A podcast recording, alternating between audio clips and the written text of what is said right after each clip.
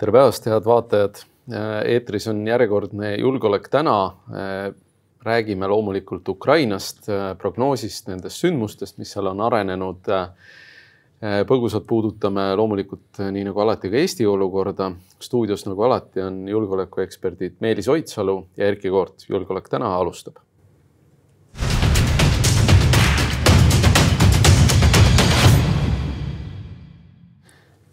alustame tegelikult sellest, et viisteist aastat on, äh, möödub just täna öösel pronkssõduri äraviimisest, millega me tegelikult mõlemad olime seotud ja, ja, ja viisteist aastat on olnud selline aeg, kus äh, nii mõndagi selgub, äh, mõndagi läheb paremaks, mõndagi läheb inetumaks.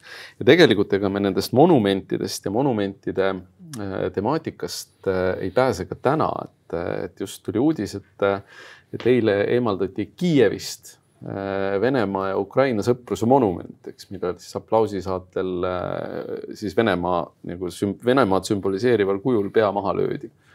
ja seda on huvitav vaadata, kui äh, sitked juured ajavad monumendid sellesse pinnasesse, kuhu nad püstitatakse ja siit on noh, arusaadav ka nende ideoloogiline väärtus.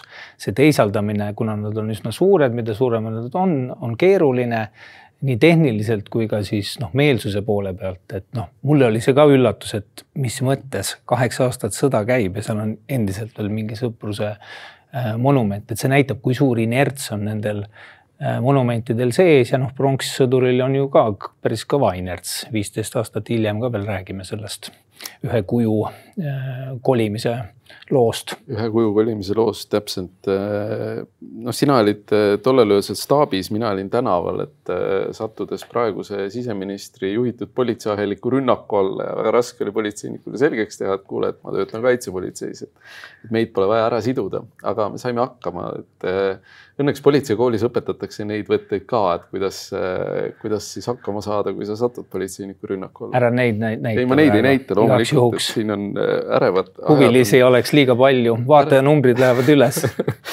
Vaatajanumbrid saaksime loomulikult üles, aga, aga siin ärevad sündmused on, on muidugi veel äh, lähenemas.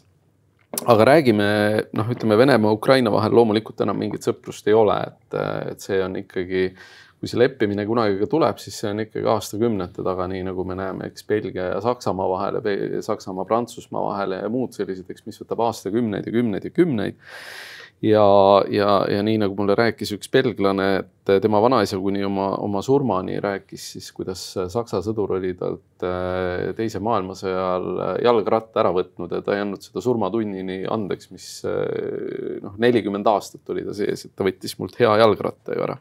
nii et, et see, see, see viha jääb aga, aga kui vaadata noh arenguid, siis tegelikult noh, lõpuks ometi on Saksamaa andnud midagi mis on rohkem kui ainult selline toetus ja võib-olla selline mittesõjaline kaitseotstarbeline varustus. ja tundub, et Saksamaa on ise ka nüüd tunnetanud, et see surve, mis neile oli ka Lääne-Euroopa poolt, et see hakkab äh, vaikselt nende rahvusvahelist positsiooni mõjutama ja nad on ilmselgelt nüüd pannud teise käigu sisse. mis on veel rõõmustav äh, areng lääne poolt ja murranguline areng on see, et vist sel nädalal kohtusid ka äh, neljakümne riigi äh, Ukrainat toetava riigi juhid või olid need kaitseministrid, kaitseministrid jah, et esimest korda noh, moodustus mingi asi, mille kohta me saame öelda, et see on võib-olla isegi mingi koalitsioon, isegi kui ta ei oma koalitsioonilepingut, et siis äh, noh, see asi, mis oleks pidanud kogunema, eks ole, esimesel päeval, et see nüüd mõningase viitega tuli, hea, et ta tuli. mina olen ka siin kaks kuud noh, läänt nüpeldanud eh, ja noh, nüüd on aeg see nüpeldamine eh, ära jätta ja tundub, et ka nüüd rahaliste eralduste suurus eh, hakkab minema noh, õiges suunas proportsiooni mõttes, sellepärast et ukrainlased ise on arvutanud, et kaksteist miljardit grivnat maksab neile üks sõjapäev ja see on umbes nelisada miljonit eurot, et noh, siis võite arve, arvestada, et mitu tundi või sõjapäeva saab näiteks kaheksasaja miljoni dollari eest kursi vahe sisse arvutada, siis poolteist sõjapäeva äkki mm. -hmm. et need suurusjärgud ongi natukene teised sellise tõsisema sõja puhul ja need peavad ka hüppeliselt nüüd kasvama, kui see ka tuleb, siis tegelikult võib öelda juba, et noh, lääs tegutseb nii, nagu peaks mm. -hmm. ja mulle ka tundub, kuigi nii nagu, nii nagu asjad noh, ütleme siin saate alguses me mainisime monumente on ju, noh monumentaalkunsti mõte on ju selles, et kus on sammas, see on, see on minu maa stiilis äh,. aga ka noh, poliitilised sellised valikud ja, ja aastakümneid äh, hoitud niimoodi siis äh, kursi muutmine, noh, võtab ikkagi aega, noh, Saksamaa puhul on näha, et äh, nad küll suhteliselt äh, sõja alguses hakkasid tegema selliseid avaldusi, mis oli juba iseenesest pretsedenditu samm Saksamaa puhul, aga nad ikkagi ei, ei tahtnud teha seda raskerelvastuse sammu, et mitte Venemaad provotseerida. noh, mina, ma ei suuda nagu ette kujutada, et, et kuidas äh,, kuidas nagu Saksamaa kujutas ette, et kui nemad ei anna raskerelvastust, aga Poola äh,, Holland äh, ja, ja, ja paljud teised riigid annavad, et kuidas siis nemad saaks äh, potentsiaalsest, potentsiaalse nii-öelda NATO ja Venemaa vahelise konflikti ära hoida või kas nad jääksid sellest kuidagi kõrvale? et selle, seal pole absoluutselt mitte mingisugust tähtsust tegelikult enam. oi, sellist eskalatsiooni folkloori leiab äh, noh, ka netiavarustes täiesti äh, suurtes väljaannetes artiklite näol ilusti, et siin vahepeal oli ju äh, hirm, et kui näiteks Putini armukest sanktsioneerida, et see oleks eskalatiivne ja viiks tuumasõjani. see on loomulikult alati kõige, kõige tähtsam asi. ja kogu see eskalatsiooni hirm on noh, et, et see kogu eskalatsiooni temaatika tegelikult vajab uuesti lahtivõtmist ja artikuleerimist, sest noh, et me ise hirmutame ennast, kõige esimesel sõjapäeval hakkasime ennast hirmutama siin, kuidas me ei tohiks mitte midagi teha, ei tohiks noh, nähtavalt nii nagu näiteks äh, see nädal kohtuti, kaitseministrid ei tohiks nähtavalt arut-, arutada koalitsioonis toetust Ukrainale. et, et noh, et siin on mõndagi äh, dokumenteerida äh, folkloorihuvilistel ja teiseks on äh, mõndagi mõelda, et, et, et natukene ebaselge on see kogu see eskalatsiooni hirmu jutupunkt ja lahti kirjutamata Eesti valitsusel ka olnud vähemalt kriisi alguses. nüüd on kõik väga hästi, Kaja Kallas teeb supertööd ja noh, on saanud ka ikkagi sellist noh, globaalset tähelepanu oma nende sõnumitega, mis ütlevad, et me e, e, ei peaks ka pikemas perspektiivis noh, peaks välistama igasugused jutud näiteks Ukraina neutraliteedist, NATO, Euroopa Liidu liikmelisus, need protsessid võiks al alata isegi siis, kui sõda käib. ka see on signaal Venemaale, sest noh, et nende vaikiv eeldus tundub olevat selline, et kuni on sõda, seni ei ole mingit integratsiooni mm. -hmm. et see eeldus tuleks kuidagi murda, et seda nii-öelda võiduvõrrandit saada siia, siiapoole piiri natukene rohkem äh, kaalukamas olekus.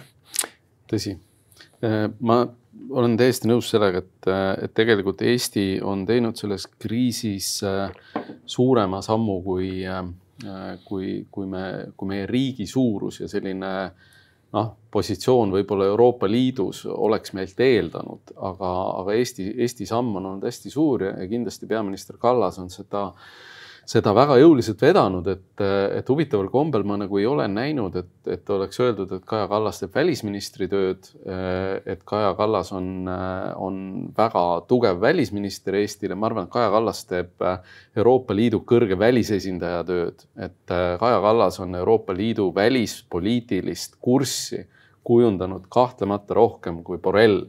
et selles suhtes on noh, tuleb öelda, et et küsimus ei ole nagu riigi välisministris, vaid ikkagi ploki välisministris juba. Mm. -hmm kui nüüd rääkida natukene arengutest äh, lahinguväljal, siis äh, Vene õigeusu need ülestõusmispühad on läbi, nüüd on siis alanud see äh, suurem operatsioon, sõja nii nagu venelased ütlevad, teine faas tegelikult vist äh, juba kaheksas või üheksas, sest et neil on kõik eelnevad Äh, faasid läinud aia taha. Äh, aga mis on nüüd näha sealt, et nad ikkagi plaanivad jõuda Odessast lõunast seal ühe maa-ala hõivamise kaudu plaanivad jõuda välja ka NATO piirini, seal on Rumeeniaga väike piir ja Moldovani. ja noh, see on väga raske üritus, sest see maa-ala on hästi soine see on, nad lähevad jälle suure hurraaga sinna peale, nad juba pommitasid seal vist tund aega tagasi mingit silda seal. et, et oma positsioone kindlustada. nii et noh, Moldova destabiliseerimine vähemalt, isegi kui ei ole jõudu seal mingit madinat praegu pidada venelastel. et, et noh, see on meil järgmine probleem, nagu peaminister ka siin juba ütles, et hoitakse silma peal ja tuleb mõelda selle peale. Aga, aga noh, kui nad seda ala suudavad kuidagi hoida ja võtta, siis jällegi NATO piir Venemaaga võib üks hetk kasvada, sellepärast et ilmselgelt eesmärk on nüüd neil minna edasi ka poliitilise protsessiga, annekteerida mingid osad ära ja siis noh, leida keegi läänes, kelle põlv lööks nõtkuma, et näete, Venemaad siin ametlikult rünnatakse see on hästi huvitav, see Moldova, Moldova suund, et äh, eelmine aasta, kui me arutasime siinsamas saates, kas ma ei mäleta, kas novembris või detsembris seda olukorda ja, ja võimalikku situatsiooni Ukrainas, siis tegelikult siinsamas saates me ütlesime, et Moldova võib olla kistud sellesse sõtta kiiremini, kui me arvame. ja, ja tundub, et nii see, nii see võib minna, sest noh, Moldova okupeeritud, Moldovalt okupeeritud territooriumil, Dnestri-äärne vabariik, Transnistria on ähm, on äh, Venemaale olnud selline kogu aeg oluline platsdarm, mille kaudu noh, Moldovat hoida Euroopa integratsioonist eemal. Moldova selle piirkonna kaudu, kuna seal on äh, vähemalt kaks olulise, olulist relvatehast ajalooliselt, siis tegelikult ka relvade salakaubandus on äh, sealkaudu hästi oluline.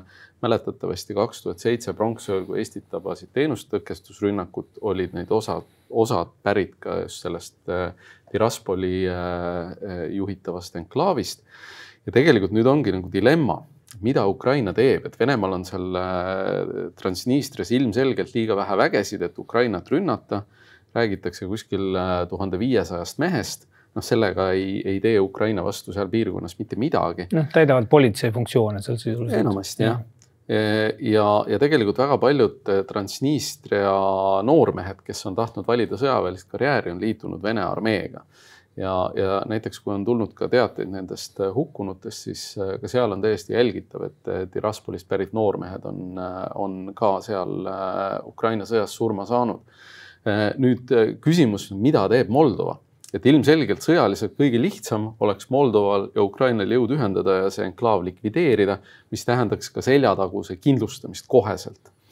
Äh, ilmselgelt Moldova armee ei ole äh, mitte midagi sellist, äh, mis on Ukraina armee ja tõenäoliselt ei ole seal ka poliitilist konsensust sellise sammu tegemiseks, sest see tähendaks sisuliselt kodusõda Moldovas ja, ja Moldova, mis ägab, eks äh, Ukraina põgenikke ju noh, üks proportsionaalselt üks äh, suuremaid sihtriike. noh, ilmselgelt äh, sellise, sellise sammu peale ei lähe, aga noh, sõjaliselt tundub oleva see kõige kasulikum, see enklaav lihtsalt likvideerida. Moldova kahjuks räägib asjaolu, et isegi kui Ukrainas peaks minema asjad halvasti ja seal justkui näiliselt oleks vaja veel ressurssi suunata siis sellises olukorras võib olla noh, Putinil ka sisepoliitiliselt vaja Moldovat rünnata, et näete, meie haare suureneb. et muidu räägime ainult Ukraina läbikukkumistest, nüüd räägime hoopis noh, selle rünnaku nii-öelda kasvust ja laienemisest. Ja saame veel ühe vihavaenlase juurde, kes meie meelsust ma räägin nagu venelane praegu, eks ole, aitaks veel nagu fašistlikumaks seal kerida ja Moldova puhul nüüd noh, küsimus jällegi sellele koalitsioonile ka, kes seal Ukraina asjus kaitseministrid kohtusid. kas me Moldova puhul kordame samu vigu või me teeme midagi nüüd teisiti? et kas me noh, midagi heidutuse mõttes teeme sellist, et me ei näeks samu pilte sealt äh, nagu Ukrainast, sest see moraalselt noh hakkab ka läänele mõjuma see, kui, kui, kui nüüd uus riik võetakse täpselt samamoodi ette ja vastus on, tuleb jällegi kahe kuu pärast saavad, eks ole, kaitseministrid kokku ja midagi otsustavad ja teevad. Moldova vist küll on teatanud oma neutraalsusest selles konfliktis, aga noh, ilmselgelt neil ei ole võimalik päeva lõpuks neutraalseks jääda ja noh, tegelikult ütleme sellest lähtuvalt oleks viimane aeg Moldovaga kokku leppida NATO vägede baasi äh, avamisest Moldovas, mis mis võiks ära hoida siis või mõjuda piisava heidutusena tegelikult Venemaale.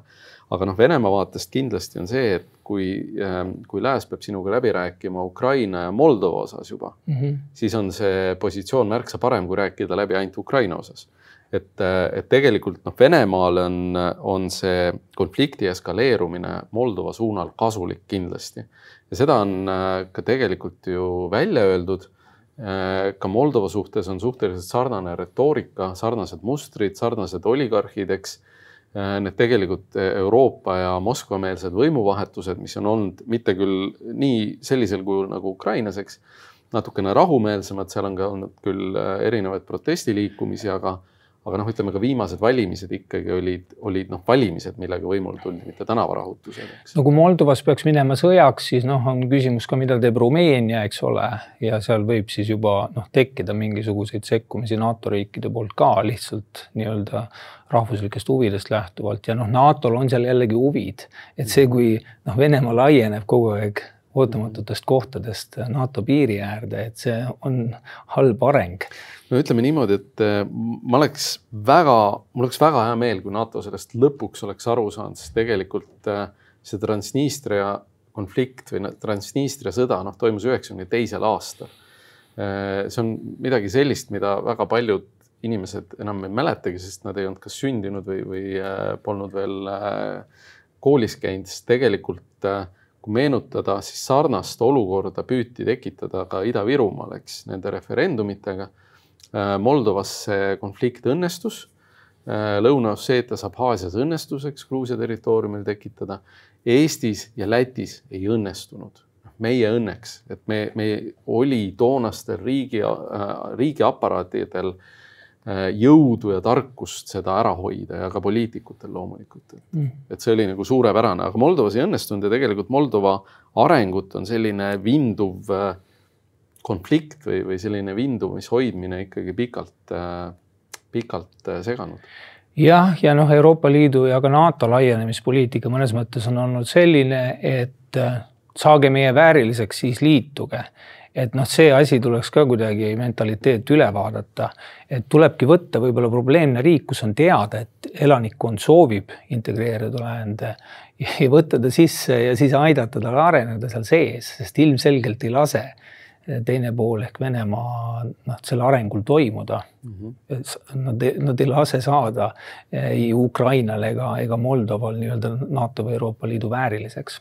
me peame ise neid vääristama, neid äh, riike ma arvan, see väga õige, õige, õige tähelepanek ja tegelikult on see, et äh, noh, praegu on üks äh, Euroopa kandidaatriik Serbia, kellele tegelikult tuleks kohe ust näidata, eks sellest johtuvalt, mis praegu on toimunud ka, ka ütleme siis Serbia lähenemisel Venemaale. ja ma ütleks niimoodi, et, et sellist õõnestajat tegelikult ei ole Euroopa Liitu tarvis, kellega me järgmises konfliktis hakkame läbi rääkima, nii nagu me täna räägime, eks Ungariga tihtipeale läbi. okei okay,, ungarlased on juba teatud sammud astunud, mida nad algul ei tahtnud teha. aga noh, ikkagi, milleks me, milleks on vaja nagu sellist riiki, kes ei taha jagada neid väärtusi Äh, noh, versus siis eks äh, Ukraina, Moldova, kes, kes püüdlevad sinnapoole ja, ja tahaksid jagada neid väärtusi. Ja no Balkan on ka Putini jaoks nüüd lisaks Moldovale järgmine selline või noh, paralleelne eskalatsiooni koht Eh, et kus midagi eh, korraldada ja, ja noh, võib täitsa olla, et see, see pingekolle ka seal varsti aktiveerub mm. -hmm.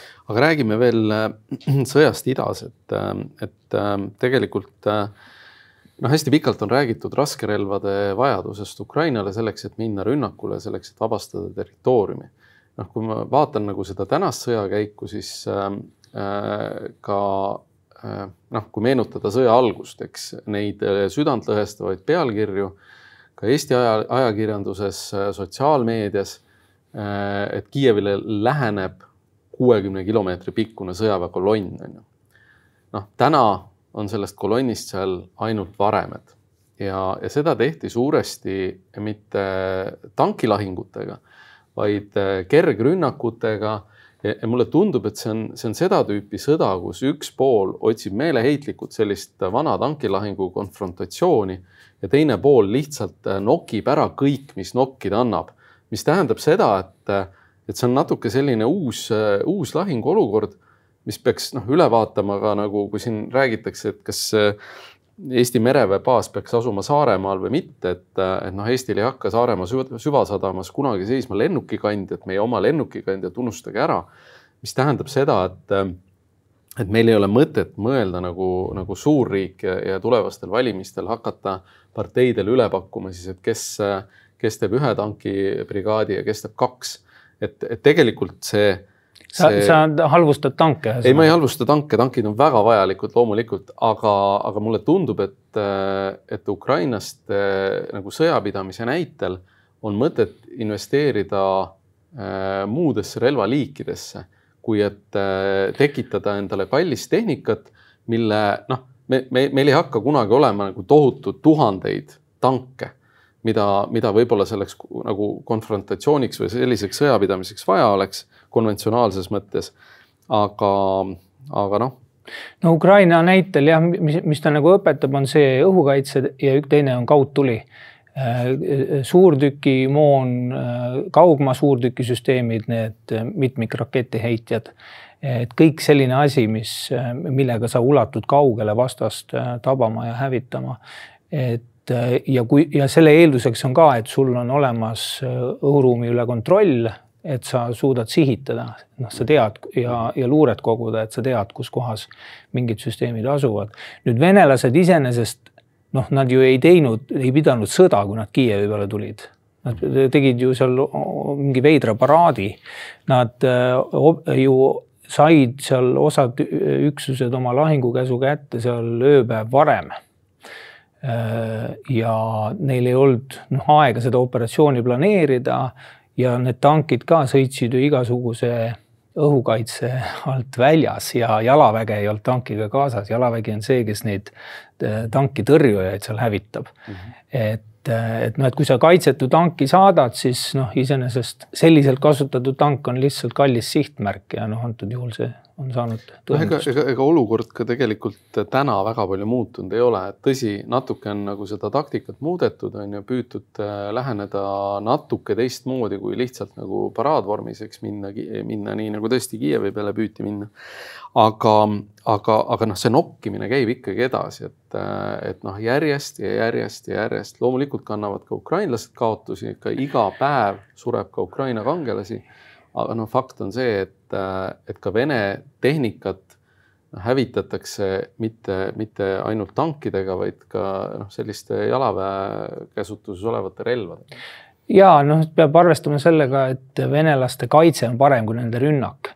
ehk siis, kui nad midagi on juba ära võtnud, noh, siis on üsna keeruline seda tagasi saada, neid maajuppe. Ja seetõttu noh, tundub tõenäoline, et minnakse nüüd järgmise poliitilise sammuga edasi ja annekteeritakse mingid osad seal kindlasti, aga me pole rääkinud veel nendest äh, Venemaal toimunud müstilistest põlengutest. Lähmegi selle juurde, et, et tegelikult on ju ka täna hommik tõi lisa, et, et Belgorodi lähedal lendas jälle õhku järjekordne laskemoonaladu ja kohalik kuberner teatas, et tema ärkas pool neli öösel siis nelja plahvatuse peale. et, et tegelikult noh, me oleme ka siin, eks jälle siin saates rääkinud sellest, et, et selleks, et väärata vastase kavatsust, on vaja rünnata vastase taristut vastase territooriumil. Ja noh, kuigi Ukraina kehitab stoilise rahu kõlgu, et noh, ju ise suitsetasite vales kohas, nii nagu nad algul ütlesid ka raketiristleja Moskva põhja laskmise peale, et ju, ju madrused tegid vales kohas suitsu, siis, siis tegelikult noh, on selge, et, et nagu sellisel, sellises mahus Äh, noh, õnnetusi on kahtlane, et juhtub isegi Venemaal nii, niisama. ja no siin on spekuleeritud kolme ja teore teoreetiliselt on nad kõik võimalikud variandi vahel. üks on see, et see on noh, nii-öelda äh, lavastatud Vene enda poolt, et õigustada mobilisatsiooni ja laiendada rünnakut. noh, omistada see kellelegi, ma ei tea, kasvõi Moldovale osa neist asjadest. siis teiseks, teine võimalus on see, et ikkagi äh, Äh, Ukraina erioperaatorid ja luure on teinud väga head tööd ja kolmas võimalus, teoreetiline samuti hetkel on see, et äh, mingi sisemine nii-öelda vastupanu liikumine või võimuvõitlus on alanud. ja noh, seal on viidatud isegi võimalusele, et Kadõrov siin otsib nagu võimalust mängu üle võtta, võib-olla saame üldse islamistliku Venemaa selle, selle sõja tulemusel. ja see pole üldse noh, seda on ju varemgi spekuleeritud, et kas Tšetšeenia on Venemaa koosseisus või Venemaa Tšetšeenia koosseisus, et kumba pidi see nagu paistab ja, ja sel-, selge on see, et tšetšeenidega või Kadõroviga Venemaa julgeolekujõud, FSB ja, ja prokuratuur ja rahvuskaart revanši otsivad, nii et, et see kindlasti seda ei saa alahinnata. ma ütlen niimoodi, et, et noh, osad tunduvad olevat väga selgelt ukrainlaste raketirünnakud, et mida nad on korraldanud ja mida nad tegelikult korraldasid sõja teisel päeval, et kahekümne viiendal veebruaril tabas siis Lõuna-Venemaa raketi või seda lennuväebaasi ukrainlaste rünnak, mille tulemusena vähemalt üks, kas Suu kolmkümmend või kolmkümmend neli äh, hävitati. ja tegelikult neid rünnakuid on olnud veel. Äh, tõsi, ei saa välistada, et mõned rünnakud on Venemaa enda provokatsioon või, või selline või ka lihtsalt äpardus, milles on hiljem hea ukrainlasi süüdistada Ja, see võib ollagi nii, et on ja, mitmed eri põhjused ja, korraga. ja ilmselt ongi, et on osade rünnakute taga on väga selgelt Ukraina, osade rünnakute taga on äh, mingisugune kas äpardus või, või Venemaa oma provokatsioon.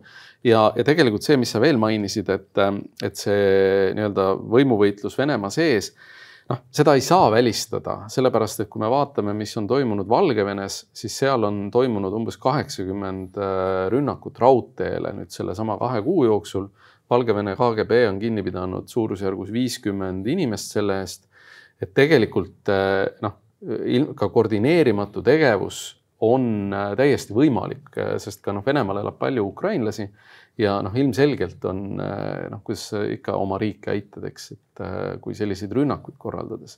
nii et, nii et seal ilmselgelt on, aga noh, kui vaadata ka neid noh, keemiatehas seal Moskva lähedal on ju Tveri äh, õhu ja, ja kosmoseuuringute. no ikka mingi strateegilise tähtsusega objektid, et seal noh, me ei ole kuulnud, ma ei tea, mingi põllumajandusministeeriumi põlengust näiteks. Äh, veel mitte, kuigi tegemist on ääretult tähtsa äh, asutusega loomulikult. aga mida see lugu näitab, näitab seda piiritaguste operatsioonivõime olulisust ja kriitilisust. ka Balti riikide noh, ründamise puhul peaks toimuma midagi siin oblastites lähimates, mis äh, seda, seda kõike aeglustab, seda meie ründamise Abs operatsiooni. absoluutselt, äh, ma olen seda varem maininud ja mainin veel üle, et, et isegi kahe kuni kahekümne seitsmenda aastani oli, oli Eesti kaitseplaanides siis enne teist maailmasõda sees, et kui on näha, et sõda on möödapääsmatu, saadetakse üle Narva jõe kaks soomusrongi mis hakkavad siis Venemaal tulistama Punaarmee koondumisalasid ja, ja noh, see on selge, et need rongid ohverdatakse. aga see on selleks, et, et üldse oleks võimalik kaitset korraldada.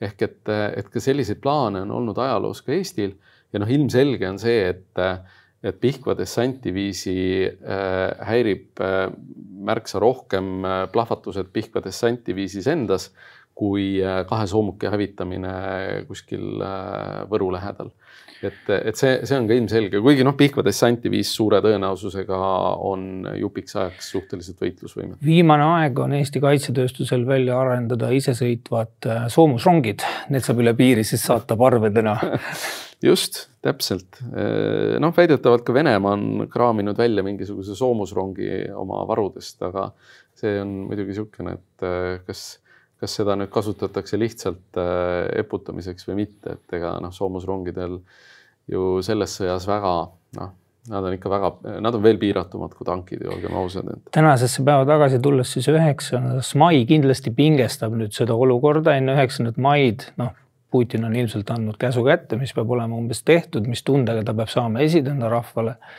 ma arvan, et edasi ei häiri, sest kui vaadata, noh, ka praegu on juba äh, kuulutatud välja, on ju Mariupoli vabastamine, jutumärkides siis vabastamine, eks seal on juba mingisugused medalid on äh, valmis tehtud, et Mariupoli vabastajale, et tegelikult noh, sellele Venemaa sisepublikule ta võib öelda kasvõi see noh, täitsa tuima näoga, et tegelikult me nii tahtsimegi. ma arvan, tema ainuke inimene, keda ta kuulab, on Vladimir Putin ise ja ma arvan, et äh, kui Vladimir Putin arvab Vladimir Putini kohta halvasti, et siis see tema jaoks on suhteliselt ebamugav olukord.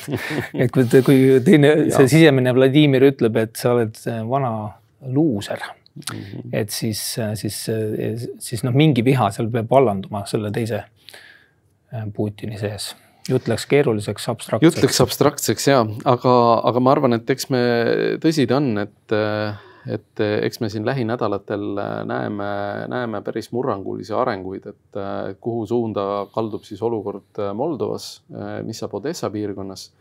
kui võimekad on Venemaa merejõud Mustal merel sest noh, kolme laeva kaotus, arvestatava laeva kaotus on ikkagi, ikkagi tõsine löök, kaks neist suutsid kaliiberrakette tulistada, eks. Krimmi sild tuleks õhku lasta. ma imestan, et seda veel tehtud ei ole, et äh, aga, aga võib-olla see on äh, noh, oli juba levis mingisugune meem selle kohta, kus on samasugune märk nagu selle raketirist või see mark nagu raketiristlejaga Moskva on nüüd Krimmi sillaga siis, et äh, võib-olla see on selline sümboolne ja võib-olla me saame seda peatselt näha, aga, aga see kindlasti häiriks ka Venemaa, Venemaa varustamist, et selle sõjamasina töös hoidmist.